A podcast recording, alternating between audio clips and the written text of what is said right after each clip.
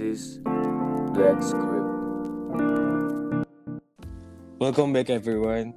This is your boy Esko dan langsung aja gue udah sama temen gue, temen temen SMA gue sih, sama podcaster juga. Bim mau dikenalin sebagai apa nih Bim? Podcast lu yang Mas Bim apa Bimo aja? gue sebagai diri gue ya sini kok Udah langsung aja di sini udah ada Bimo ya. oke Dia dia juga punya podcast namanya Mas Bim. Dan udah lu bikin dari kapan sih podcast Mas Bim? kalau gue untuk podcast gue itu udah dari 2020 itu tahun kemarin Asal muasal lu bikin podcast kenapa tuh?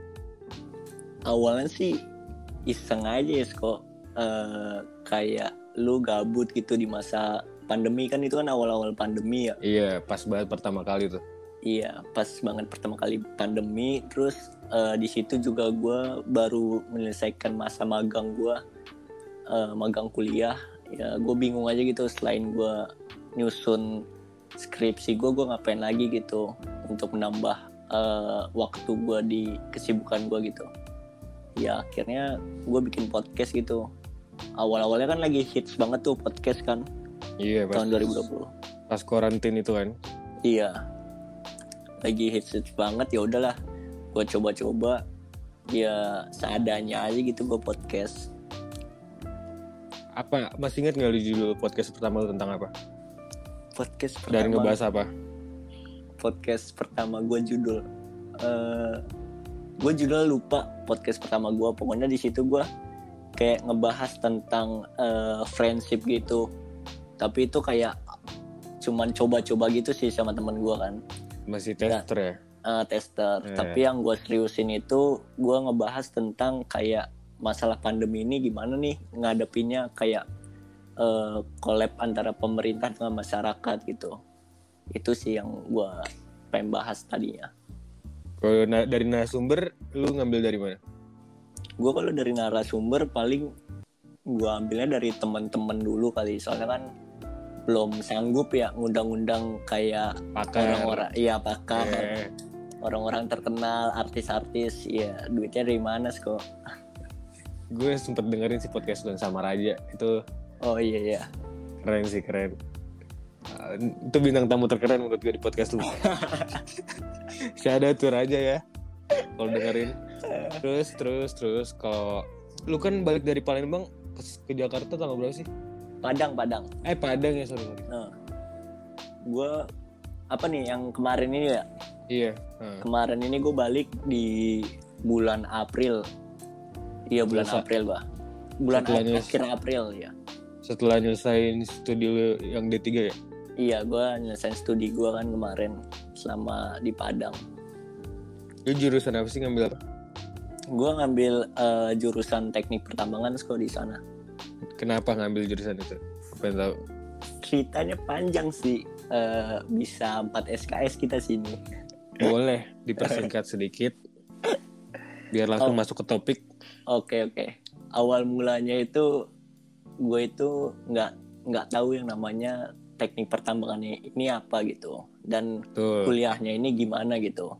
Betul. Eh, soalnya awal-awal itu gue pengen masuknya itu eh, sama kayak kan kita kan ini ujian bareng Gitu. dulu. Gimana sih anak Iya. STEN? Hampir masuk YRC juga kan? Dengar Iya. Terus? Ya awalnya gue itu pengen kayak sekolah kedinasan lah, tapi karena gagal terus gue kalau kuliah gue itu pengennya teknik industri kalau enggak fisip gitu. Hmm. Yang yang tadinya itu gue ingin ngejauhin hal-hal kayak matematika, fisika, kimia gitu.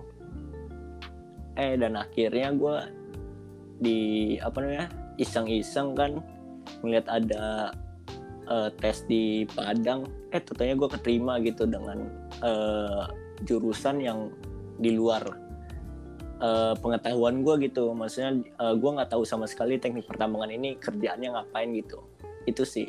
Dan akhirnya kecemplung gitu aja. Tapi nggak nyangka juga sih gue kuliah di Padang terus ngambil jurus teknik pertambangan kayak Emang lu tertarik ya? di luar Iya, kayak- ekspektasi oh, iya. ya Iya bener kayak gue bener Iya. masuk PR sih ternyata oh it's okay, it's okay. terus soalnya iya soalnya gimana ya eh apa ya kan kita nggak pernah pas kita zaman SMA kayak lu pengen masuk jurusan apa sih gitu kayak Iya. bingung gitu kan belum kita belum kepikiran juga sih SMA Heeh, belum kepikiran. Kayak lu dicemplung-cemplungin dengan eh, cerita-cerita orang aja kalau misalnya lu masuk ekonomi lu kayak gini kerjanya lu masuk teknik lu Betul. kayak gini gitu. Lu kan katanya lagi pengen lanjutin S1 juga. Mm-mm. itu S1 nya jurusannya sama apa gimana? Sama gua ngambilnya eh, teknik pertambangan juga pertambangan umum. Kira-kira berapa tahun? Eh yang normalnya sih dua tahun ya. Tapi kan gue di sini pengen ngejar eh, insya Allah itu gue tahun besok itu gue udah lulus satu setengah tahun. Jadinya Desember tahun besok gue udah bergelar sarjana. Amin. Amin Doain. amin. Terus kan lagi pandemi gini juga kan berarti kan wave apa sih kuliah online juga kan? Mm-mm. berarti lu ada rencana balik ke Padang atau gimana? Gimana? Dekat-dekat ini kalau untuk sejauh ini sih gue belum ada balik ke, pengen balik ke Padang ya. Soalnya kan kuliah gue juga eh, masih online gitu. Dan apa apa masih serba susah gitu ke Padang kayak PCR gitu. Terus oh iya juga sih. eh, apa Hmm. mahal juga kan. Ya betul ya betul. menurut gue untuk menghemat budget dan pengeluaran ya mendingan gue di stay di Jakarta dulu aja lah.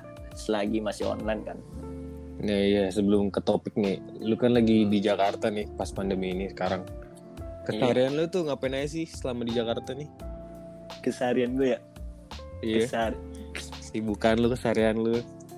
kesibukan gue ya selain gue ngerjain tugas-tugas yang gue dapat dari kuliah sih ya palingan gue sekarang ini kan ngebantu kayak abang gue gitu kerjaan di abang gue terus kayak ngebantu-bantu hal-hal kayak saudara-saudara gue gitu aja sih sama kadang-kadang senior senior gue itu sering ke Jakarta gitu dan gue sering ikut kayak project-project dia aja gitu kalau di Iya. daerah Jakarta Terus itu kan kesibukan, keseharian lu ngapain?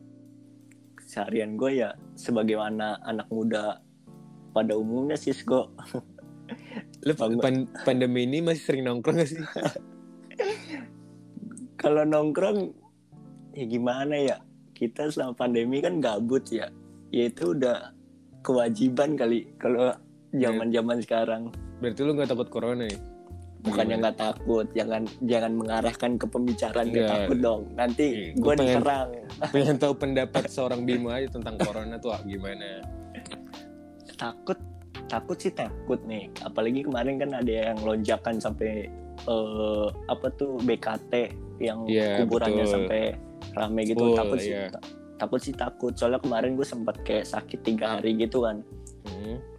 ya tapi setelah lu divaksin menurut gue gue lebih yakin gitu kalau misalnya gue divaksin ini gue udah kebal gitu. Maksudnya ya daya imun gue itu lebih tinggi dia nggak nggak bakalan bukan yang nggak bakalan sih kayak untuk virus itu masuk makin sulit gitu.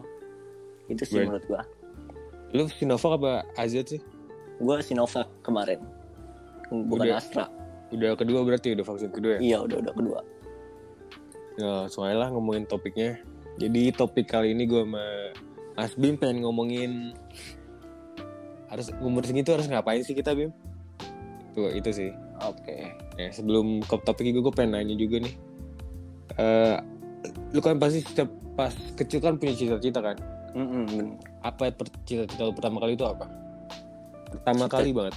pertama kali ya gue itu pengen banget jadi polisi dulu sumpah kok Umur berapa tuh kira-kira? gue dari kecil dari apa ya dari TK mungkin dari SD itu gue pengen banget jadi polisi soalnya kan eh, awal-awal itu kan kita nontonnya Dono Kasino Indro nggak sih kayak film-film actionnya dia kayak banyak tangkap-tangkapan polisi Hmm, kayaknya lu dong deh. Anak kecil nonton.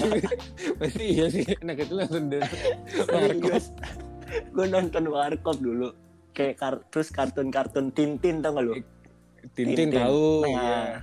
Kalau nah Warkop itu. kayaknya ya selingan-selingan gitu lah iya anak kecil. Anak kecil nonton Warkop lu doang sih setahu gue ini baru tahu gue. ya, ya terus kenapa da- dari polisi terus apa? Masih berubah atau pengen tetap jadi polisi? Enggak dulu gue Sering itu berjalannya waktu. dulu gue termasuk orang yang waktu kecil itu idealis anjir gue pengen jadi polisi gue pengen jadi polisi gitu pokoknya Ya, gua- pokoknya pengen waktu- Waktu kecil itu kan. iya waktu kecil sampai sampai gue sampai SMP kelas 3 gue tetap pengen jadi polisi kok SMP Nggak masih tahu. idealis. Ya. Terus? soalnya masih yakin aja gitu kan soalnya Hmm. gak tau lah gue itu pengen banget jadi polisi kan dan akhirnya kelas 1 SMA gue berubah. Soalnya tangan gue patah kan pas main futsal. Udah realistis akhirnya. ya udah realistis. Kata gue nggak mungkin dong masuk polisi tangan patah kata gue gitu. Terus berubah berarti cita-cita ya jadi gue apa? gue berubah tuh. Tapi di situ gue kayak nggak tahu aja gue pengen cita-cita apa gitu. Menurut gue kayak anjir gue pengen jadi apa ya nanti? Ya masa depan gue gimana ya? gitu udah tuh banyak kayak cita-cita gue pengen jadi pengusaha lah pengen jadi dokter lah makin banyak lah gitu lah ngambang gitu lah Itu anak-anak muda banget sih pengusaha. iya Ada masanya. Ayo cita-cita yang paling lu pengen banget selain pengusaha tuh apa yang kayak profesi ada profesi gitu lah. gue gue gue pas gue SMA itu pas remaja gue gak ada kepikiran sih untuk cita pokoknya gue orang itu let it flow aja gitu gue jalanin sesuai rulesnya pokoknya nanti untuk gerbangnya itu pas gue lulus gitu gue masukin tentuin di perkuliahan misalnya gue kuliah masuk ini berarti itu cita-cita gue misalnya gue kuliah masuk kedinasan berarti itu cita-cita gue gue itu aja sih Berarti lu cita-cita lu nggak sesuai hobi. Hobi lu kan like futsal apa sepak bola kan. oh iya Berarti lu nggak punya cita-cita ke sana gitu. Buat jadi pemain Nggak. bola atau futsal. Enggak, enggak ada sih. Jadi cuma gua- sebatas hobi doang. Iya, sebatas hobi aja. Berarti lu di umur segini punya target apa aja tuh? Lu umur berapa sih sekarang? Umur Dua- gua dua-dua. Eh, dua-dua pas Dua-dua. banget tuh milenial banget. Hmm. Kira-kira punya target apa di umur segini? Terus di masa mendatang juga ada target kayak gimana? Target sekarang ya. eh Yang deket-deket dulu aja deh. Mau gimana? Mau kayak gimana? Gue target sekarang ini yang paling gue pengen kejar tentang ini sih. Gue pengen kayak gue ngambil sertifikasi di masa gue online kayak gini kan lagi banyak nih sertifikasi sertifikasi tapi yang sesuai dengan jurusan gue kayak pertambangan Webinar gitu ya?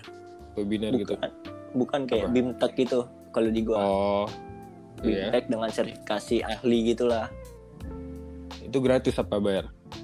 Ada yang bayar ada yang gratis gitu. Tapi yang benefit yang lebih benefit sih yang bayar sih. Yang lebih dicari orang gitu. Kalau yang di masa mendatang mau punya target apa? kalau di masa mendatang sebenarnya eh, sekarang gue baru nemuin. 10 tahun ke depan lah apa berapa ah. tahun ke depan mau gimana? gue gue baru nemu passion gue kan. Gue jurusan pertambangan. Gue punya goals gue harus gue harus step by step misalnya gue lulus harus gue jadi pengawas di operasional pertambangan gitu terus nanti gue harus step lagi gue harus jadi eh, kayak dep head di suatu eh, bagian di perusahaan pertambangan dan step step by step kayak GM dan sampai ya yang gua kuliahin sekarang itu kepake di masa yang mendatang itu sih kalau di gua goals gua. Ya, gue kan awam, gue kan awam juga nih di dunia pertambangan. Kalau Mm-mm. Goals di dunia pertambangan jadi apa gitu? Kayak kerja di mana gitu? Kalau di anak pertambangan ya Hmm. eh, kan ada dua nih kalau di kalau di tambang itu ada yang di batu bara ada yang di mineral gitu. Yes. Dan orang-orang itu banyak yang memandang dulu nih ya gua dulu pas gua masih awam banget jadi anak tambang gue pengen kerja di Freeport gitu soalnya kan paling ternama itu Freeport ya Iya iya betul. Freeport kayak gitu. Tapi makin ke sini gue makin mikir kayak gini. Eh, apa namanya? Ba- masih banyak perusahaan yang lebih benefit lagi selain Freeport. Contohnya kayak mineral Vale, PT Vale gitu. Terus PT eh, Arutmin ataupun Adaro gitu. Masih banyak gitu kan. Adaro kan kayak salah satu perusahaan tambang batubara terbesar juga kan. Iya Dan- iya.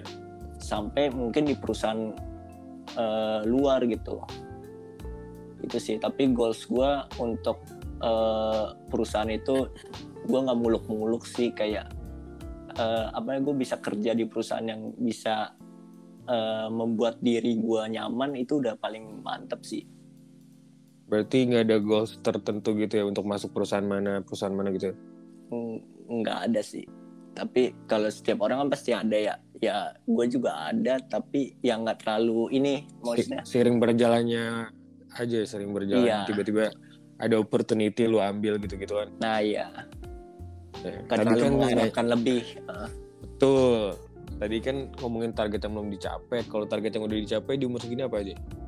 kalau yang target gue udah dicapai di umur segini gue udah bisa kemarin ini gue nyesain kayak studi gue di diploma gitu kan. Menurut gue itu pencapaian gue yang ya teramat eh, perjuangan gue lah. Soalnya kan gue kemarin ini kuliah di di luar eh, Iya.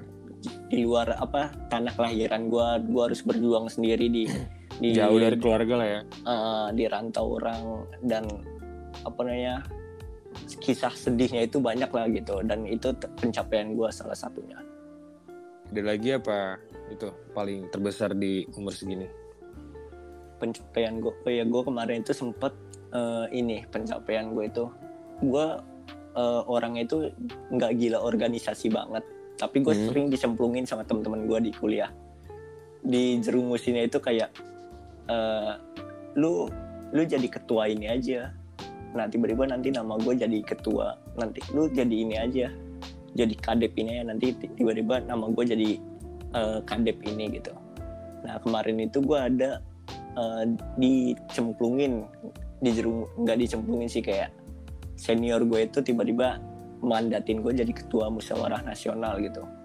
Eh, mahasiswa tambang se Indonesia itu di luar di luar eh, kemampuan gue soalnya gue belum punya jiwa leadership yang eh, kuat gitu dan juga eh, gue buta akan organisasi maksudnya eh, nggak terlalu vokal gitu di organisasi. Dan Iya, tiba-tiba paham, gue harus, harus jadi ketua pelaksana munas gitu kan. Tapi Nah, keren sih itu, keren sih itu. Harus Eh, bangga lah, bangga kan lu?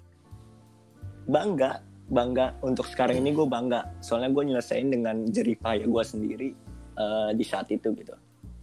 Kalau dipikir-pikir di zaman pandemi lu harus nyari eh, donatur-donatur sekian puluh juta gitu kan Hmm, itu lu, eh, lu yang ngontrol sebagai ketua, lu yang ngontrol semuanya gitu. ya gue dibantu juga sama teman gue eh, sama ketua himpunan gue juga kan nyari dana itu dan nyari pemateri di zaman pandemi kan orang-orang banyak nolak perusahaan-perusahaan kan ya Iya, iya. itu dengan tenggat waktu yang singkat sih itu pencapaian terbesar gue yang gue banggain sampai sekarang itu Kira-kira kalau di umur segini tuh apa ya? Cara kita mem- memanfaatin waktu tuh gimana ya sebagai anak muda di umur 22 kayak gini? Di umur 20-an lah. G- Gimana cara kita manfaatin waktu? Soalnya waktu kan gak kerasa banget kan tiba-tiba hari Bener, ini, tiba-tiba hari ini. Kira-kira gimana? bener gue aja gue aja nggak nyangka sekarang ini tiba-tiba bulan September kan padahal Sama, kayaknya- sama banget. Baru tahun Bener. baru loh. iya kayaknya cepet banget gitu kan kalau menurut gue sih kok gini Hmm. sih eh, sebagai lu anak muda gitu lu isi waktu lu sebisa mungkin itu biar lu nggak cuman main HP ataupun lu cuman eh, apa namanya main-main nongkrong-nongkrong doang sih menurut gua di di masa mahasiswa itu apalagi yang masih mahasiswa ya lu Hmm. lebih kayak eh, survive diri lu itu di organisasi atau enggak kayak lu eh, Nyari pengalaman lah ya. eh, nyari nyari pengalaman terus juga lu nyari eh, bimtek bimtek atau sertifikasi. Menurut gue itu berguna loh webinar. Soalnya Is lagi banyak buat webinar sih. eh, eh, soalnya nih ya gue itu eh, sampai sekarang ini kayak nyesel aja gitu. Gue kenapa di organisasi dulu gue nggak ngambil jabatan ini ya? Gue ngambil jabatan ini ya. Soalnya berguna banget di CV lu ke depannya gitu dan yang gue lihat sekarang ya sekarang CV ada yang eh, pakainya itu ATS kan? Iya, iya. dan it- dan itu bi- lu bisa CV lu itu kan biasanya itu perusahaan itu ngefilter CV lu itu eh, dari sekian banyak pelamar itu dia bisa ngefilter sendiri. CV lu ini eh, kayaknya itu di penulisannya nih eh, ada nilainya ada value-nya gitu. Betul nah itu gue baru tahu Nah, Betul itu banget. sih yang gue sesalin sekarang kenapa gue nggak nggak ngambil banyak eh, jabatan ataupun organisasi gue kayak masih kurang aja gitu pas gue masih kuliah. Oke, terus kalau tadi kan ngomongin pentingnya waktu, terus kalau Hmm. di sini- sekarang peran temen-temen nih di umur segini tuh, peran temen-temen di sekitar temen-temen. kita tuh, iya, sekitar kita tuh gimana? Peran Tidak. teman-teman. Di sekitar kita ya, di umur segini, membantu kah atau sebaiknya jalan sendiri dulu aja atau gimana? di kalau yang gue lihat di gue ya semakin lu dewasa orang semakin bodoh amatan sih ke kita gitu. Menurut gue ya. Iya, soalnya semakin lu punya tanggung jawab orang-orang pun juga punya tanggung jawabnya sendiri gitu. Iya, kesibukan masing-masing lah. Ah, kesibukan masing-masing entah itu lu semakin egois ataupun semakin eh, independen sendiri gitu jadi orang kan. Ya tergantung diri lu nya aja nempatinnya di mana gitu. Menurut gua support temen nggak lebih dari kepo doang orang-orang gitu. Teman-teman terkecuali ada temen emang temen deket lu banget gitu yang yang dia nge-support lu dari begini begini begini jalannya lu di Iya. kuliah ataupun di kehidupan lu ya itu best banget sih punya teman kayak gitu tapi sejauh ini sih gue belum nemu yang kayak gitu banget gitu Kirain gue malu pengen disebut. oh, oh, sorry lo gak disebut lo. Kirain gue udah serius gue udah mikir mahal ternyata belum ada.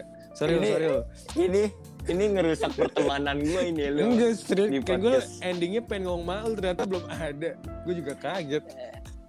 ini lu ngerusak ngerusak pertemanan gue sama Maul kok Gue kan gua- cuman gue kan cuman ngejelasin kok lu tiba-tiba belum ada kirain gue tuh maul. Sorry lo, gak disebut lo. kalau ah, gimana ya Iya. gue pengen jawab mahal ternyata belum ada. Gue temen gua- udah kayaknya gue tarik deh kata-kata gue tadi kok apa tuh? enggak enggak enggak Nggak mungkin ya Maul masih dipertanyakan atau gimana enggak sih kan Tapi- soalnya kan gue kemarin itu kan gue kuliah di Padang ya. Kayak Iya. apa namanya untuk eh, hal teman-teman yang itu gue belum ada di Padang gitu. Tapi kan kalau gue di Jakarta itu kan beda konteks dong gitu. Iya ya di iya, Jakarta betul. itu eh, di Jakarta itu kan gue kayak eh, kembali lagi ke rumah gue cerita-cerita kisah gue di Padang gitu. Kalau yang untuk menemani gue di Padang kan nggak mungkin dong Maul nemenin gue di Padang gitu secara kita punya kesibukan gitu. Itu sih. Gue lurusin nih biar gue nggak berantem sama Maul Oke. Ya nggak terlalu ngebantu juga sih sebenarnya. Langsung next. Terus Lu punya moto hidup lu nggak? Moto hidup lu. Kayak lu Punya role model siapa kah? Lu punya ya punya panutan siapa kah gitu dalam menjalani hidup? Gue punya ini sih. Gue punya prinsip di diri gue nih. Dalam gue menjalani setiap eh, tugas gue ataupun kewajiban Rintangan gitu uh, rintangan gue gue punya prinsip kayak gini eh, orang yang berproses itu eh, bakalan bakalan jalan gitu. Tapi orang yang nggak berproses dia yang, yang belum tahu kegagalan di depannya gitu. Jadi menurut gue kalau misalnya lu ingin menjalankan sesuatu tuh lu jalanin aja gitu gagal ataupun sukses itu belakangan gitu yang penting lu mencoba gue intinya gitu sih Gak usah lihat kanan kiri ya Gak usah dengar udah Nggak omongan usah. orang lah gitu lah intinya lah. iya benar Kalau role model sendiri lu punya siapa? Apa? Iya, panutan siapa gitu. kalau role model ya role Iya. model pasti setiap orang gue ke bapak gue sih gue nggak ada bokap orang lain Ah, bokap gue sendiri Apa yang bisa lu ambil dari bokap lu? Kayak iya sif- sifat-sifatnya atau apa?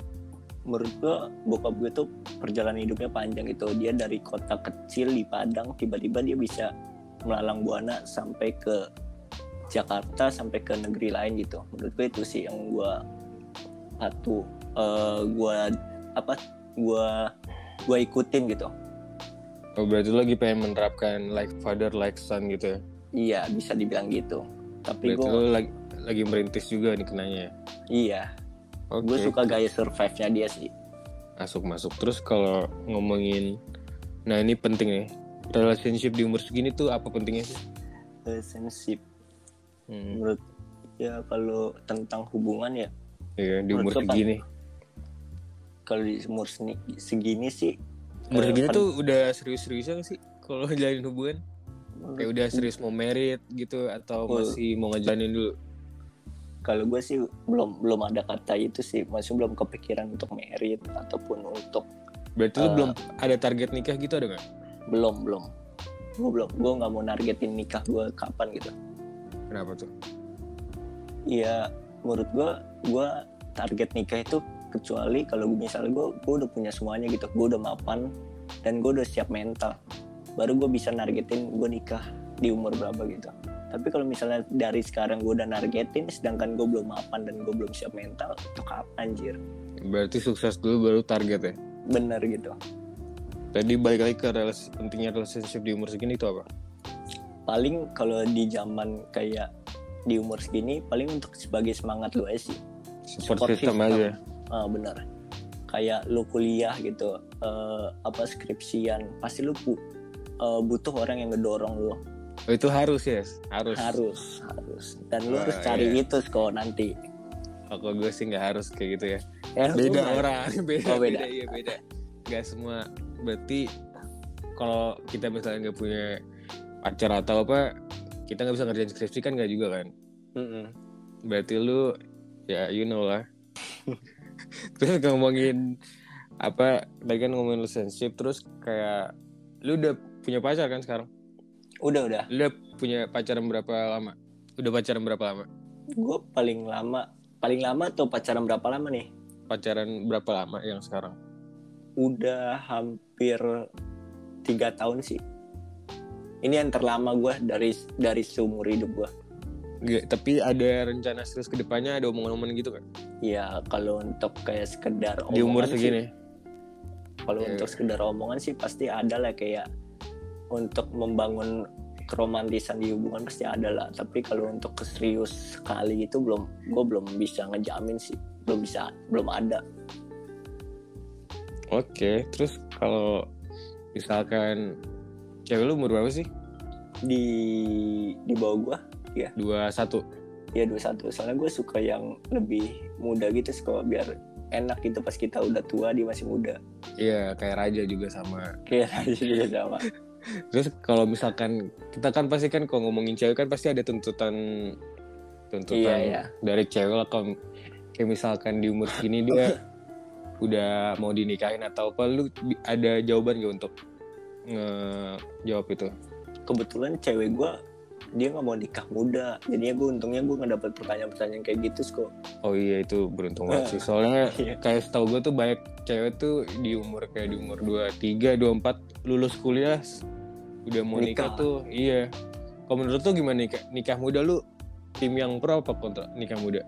gue nggak ngelarang sih itu kan eh, apa namanya kemauan orang ya masing-masing orang Eh, Mm-mm. menurut gue fine fine aja gitu kalau misalnya dia nikah muda kalau misalnya dia sanggup dengan menafkahi keluarganya gitu yang cowok ataupun yang cewek dapat siapa tahu dapat laki yang kaya ataupun yang bisa menafkahi dia ya fine fine aja gitu nggak ada Berarti- larangan sih gue nggak ada pro dan kontra Syaratnya mampu, yang penting mampu aja ya. Iya mampu aja gitu.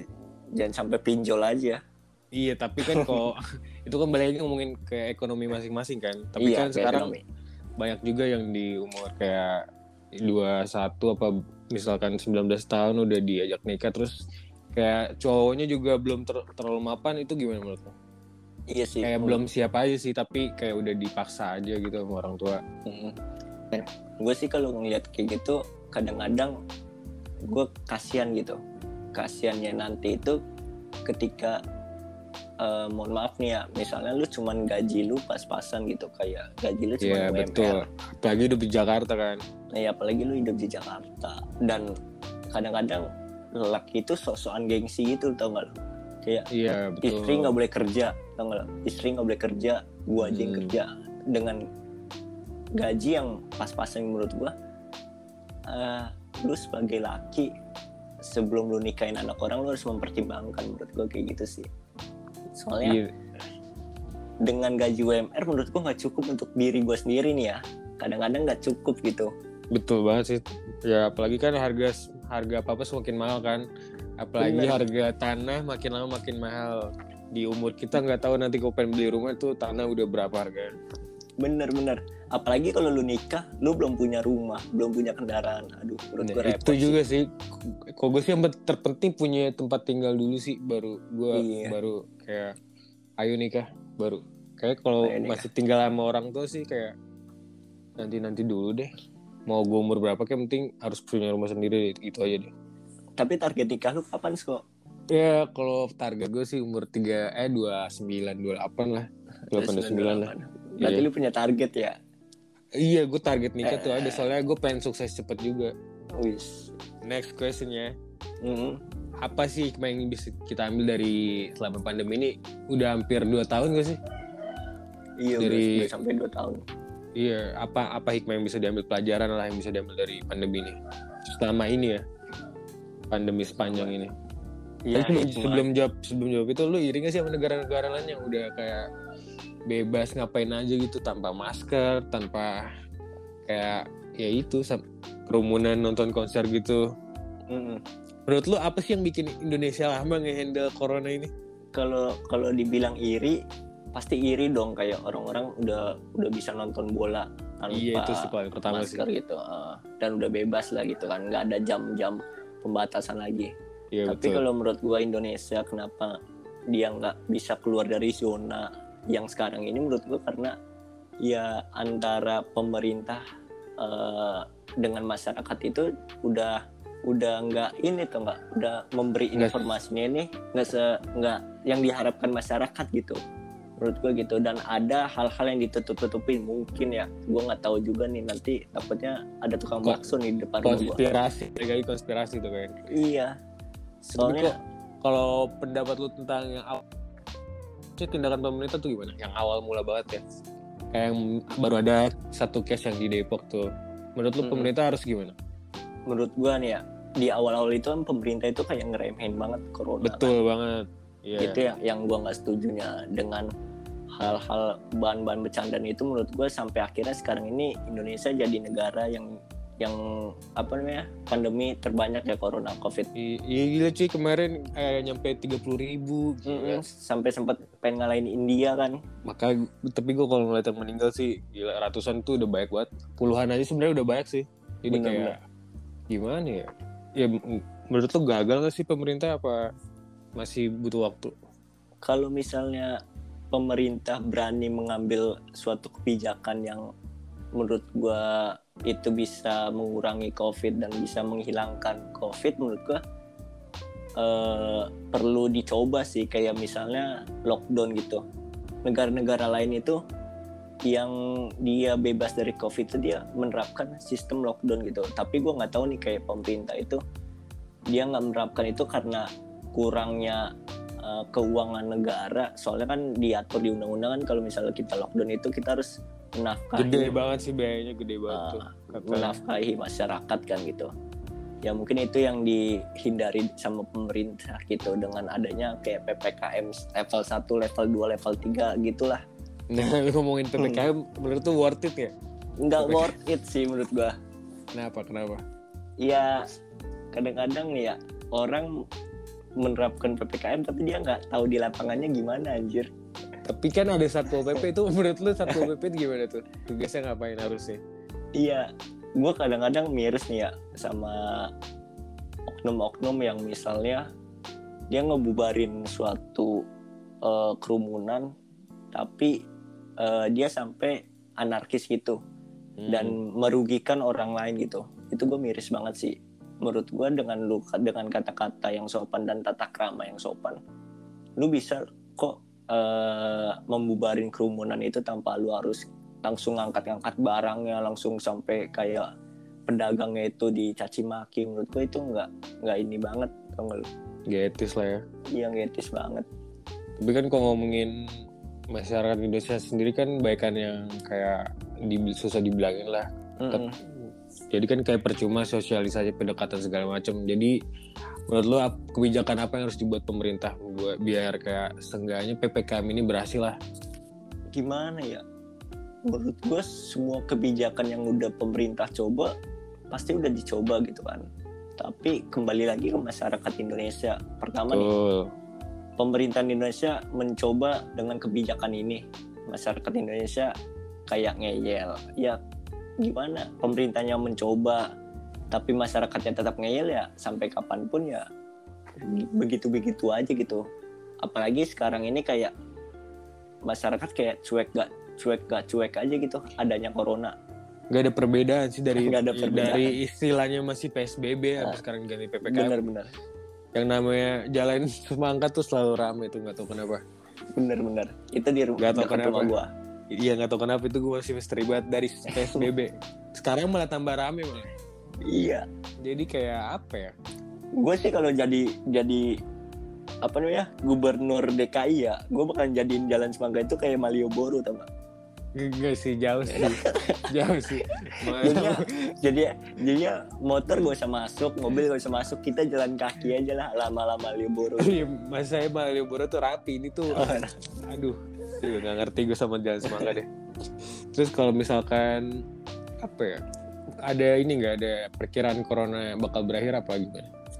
Apa kita bakal terus-terusan menjalani hidup kayak pakai masker lah, cuci tangan lah.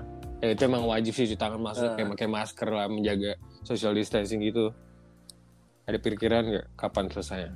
gue gua nggak bisa nebak sih karena eh, gimana ya tergantung ke manage dari pemerintah itu sendiri manage rakyatnya gitu soalnya sejauh ini ya kayak gitu naik turun naik turun aja mengenai hal eh, kebijakan di pandemi ini gitu bahkan sampai adanya eh, korupsi-korupsi gitu kan di di zaman pandemi itu menurut gue itu hal-hal yang Itu nggak banget sih.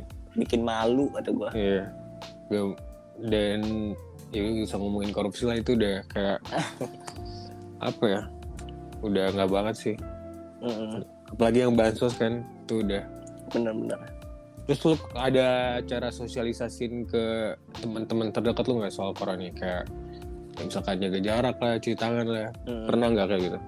gue pernah sih awal-awal itu gue kayak eh, ngasih tau temen gue lebih kayak lu pakai eh, cuci tangan kalau misalnya setiap lu ke Bawa hand tempat-tempat rame sanitizer lah sekanya. eh, hand sanitizer lu bawa terus pakai masker lu tapi ya gimana ya seiring berjalannya waktu kayak ya udah gitu kayak- emang masyarakat sih sebenarnya. Iya. Kayak Jadi bahkan ya- dulu bahkan dulu kita kan kayak untuk duduk di sebuah kafe aja itu kayak kita ngelap-ngelap mejanya kan. Sekarang mah kayak bodo amatan aja gitu. Bener Dulu boro-boro ada dine in dulu mah. Gila, pas awal-awal Iya. bener-bener ditutup kan tapi sekarang ada Hmm. dine, dine in juga masih kayak terbatas juga kan Mm-mm. Terus menurut lu ke penutupan tempat-tempat yang kayak te- apa public transportation itu kayak apa kayak misalkan pembatasan itu apa di transportasi Menurut gue itu worth it sih untuk uh, menurunkan angka uh, COVID. Apalagi kan kalau misalnya dulu kan busway kan desak-desak banget ya. Hmm, banget gue juga kampus sering naik Ah. baso sih Ya, banget banget menurut gue tapi ya ya untuk menurunkan angka COVID ya untuk pembatasan itu perlu sih. Nih tapi kan baik lagi kalau sekarang kan kita masuk pakai scan peduli lindung ya kok ke mana-mana Hmm. Hmm. itu menurut lu itu kan kenanya kayak kita nanti di tracing dari mana-mana ke mana kan Hmm.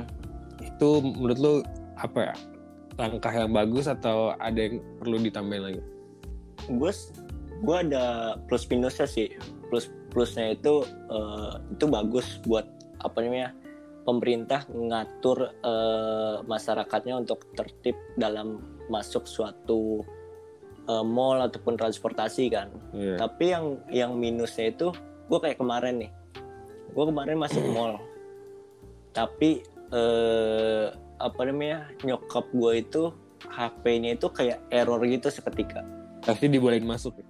enggak maksudnya Iya. menurut gue kenapa sih eh, kita itu kan udah vaksin nih. Kita udah Iya. pakai kartu vaksin. Terus eh, apa gunanya vaksin ini? Kalau misalnya kita masuk itu tetap harus pakai aplikasi kayak gitu. Lu gitu gak sih? Berpikir Kalau- gitu gak sih? kalau gue dengerin sih ap- aplikasi itu cuma buat biar tracing lu dari mana lu dari mana sih. Ah, benar. Iya tapi buat itu doang sih.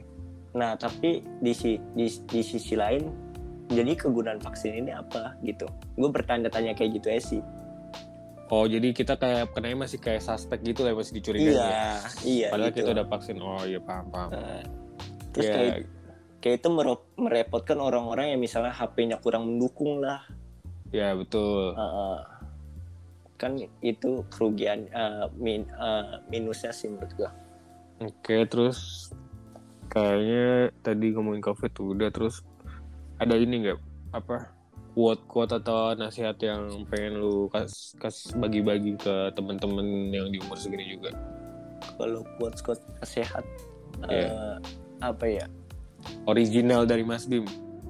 iya dari gue ya nasihat tentang apa nih Kita harus menjalani hidup. Gimana Hmm. semangat, tetap semangat dari Senin ke Minggu, Minggu ketemu Senin. Apalagi ba- bagi para pekerja yang sambil kuliah atau bagi para siapa pun itulah yang di umur kayak kita gini. kalau gue ngasih semangatnya gini aja sih eh, apa namanya untuk yang masih SMA menurut gue ya lu kejar cita-cita lu misalnya lu udah menentukan bisa menentukan arah lu gitu lu ke mana ke mananya dan misalnya lu udah ada target ya lu ikutin terus.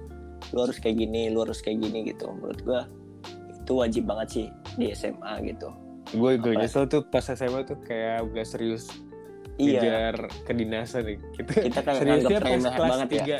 3. Seriusnya pas kelas 3 doang ya. Kenapa ya? iya padahal kayak Itu itu wajib sih. ya Iya. Iya. Gue SMA tuh belum mikirin masa depan sama sekali. Pas di mau mau UN gue baru mikirin mau kuliah di mana, mau benar. kerja jadi apa. Itu sih nyesel gue masa SMA gue.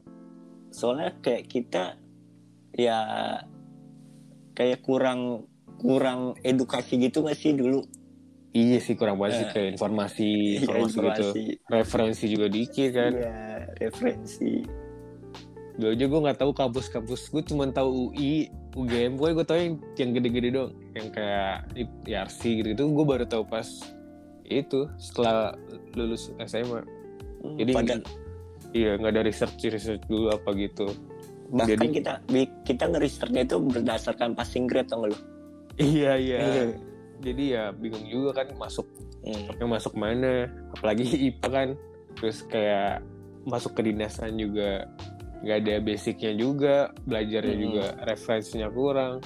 bener Itu sih yang gue seselin pas SMA. Ya lanjut tadi apa? ya itu kalau SMA kayak gitu kan terus kalau yang lu kuliah ya lu selesaiin kuliah lu eh, sesuai harapan lu di awal lu masuk kuliah gitu orang tua lu capek-capek eh, ngasih lu uang kuliah mungkin yang susah payah gitu orang tua lu gitu. Ya lu harus selesaiin gitu kan. Eh, kalau yang masih semester-semester kayak 3 4 ya lu perbanyak masuk organisasi lah menurut gua. Menurut gua itu dengan lu bisa menambah relasi lu bisa menambah kosakata lu dan wawasan lu menurut gua di organisasi. Iya sih. Kayak gue di umur eh di semester 7 ini emang yang paling penting itu channel sih, channel. Iya. Baik-baikin channel. Kayak ya bener baik-baik nyari temen di luar gitu-gitu. Mm-mm. Itu kepake banget sih semester 7. Kayak buat nyari PKL apa segala macam. bener-bener relasi itu penting sih menurut gua gua gua Penting nggak lu percaya nggak gua nggak setuju sama statement orang dalam Kenapa tuh? menurut gua kan ada ya orang kayak gini ya wah si itu nih eh, apa namanya masuknya gara-gara orang dalam. Ah si itu nih masuknya gara-gara saudara. Ah si itu nih masuknya gara-gara si itu gitu. Menurut gua statement orang dalam itu yang dia pikir eh, bodoh menurut gua dia yang lebih bodoh tau nggak? Kenapa Iya, make gitu? sense. soalnya lu lu itu harus punya relasi coy gitu maksud gua orang dalam itu relasi lu gitu kalau misalnya lu nggak punya relasi ya apa yang lu harapin gitu itu sih jadinya gue nggak suka aja orang-orang yang menganggap statement orang dalam itu buruk menurut gue itu Iya, Hal nggak yang- selalu nggak selalu buruk sih. uh, Pasti kan ada kualifikasinya juga kita kalau kita punya orang dalam kan. benar Nggak nggak kayak seenak lancar masuk kayak kan. Pasti ada kualifikasi tersendiri Benar. juga. kayak misalnya lu dapat info loker aja pasti itu kan dari orang dalam dong Iya. kebanyakan gitu itu sih Terus tadi kan nasihat kalau quote beberapa Kalau- kata. kalau quotes Lu kan footage banget orangnya mau aduh gue suka menyusun kata-kata. Kasih lah di sini. kalau quotes ya gue bingung karena semakin gue tua itu gue udah gak mikirin kata-kata quotes gitu anjir kok bullshit anjir kata menurut gue Lu Gua kan sering lebih- bikin kata-kata. Gue liat-liat. iya zaman zamannya kita kuliah ya kayak Iya, masa nggak ada sih buat buat buat gue di sini? kalau gue kayak gini kalau quotes dari gue let it flow aja. Lu jalanin hidup lu ngalir kayak air dari turun dari atas ke bawah. Nah setiap lu ada batu pasti air itu akan cair gitu akan lewat aja gitu. Ke sela-sela terkecil dari eh, himpitan batu itu. Sama juga kayak kehidupan menurut gue kehidupan itu biarpun ada eh, celah besar tapi ada lewat di situ. Itu sih menurut gua. Oke, boleh juga tuh lancar lu ngomong. Oke tadi dari Mas Bim quote yang beberapa kata bisa diresapi masing-masing lah. Jadi ya udah mau sejam juga, jadi segitu aja dari obrolan obrolan ya yang ke mana-mana dari gue sama Bimo. Ya sekian dari gue, gue Esko. gua Bimo Ya, sampai ketemu lagi, bye. bye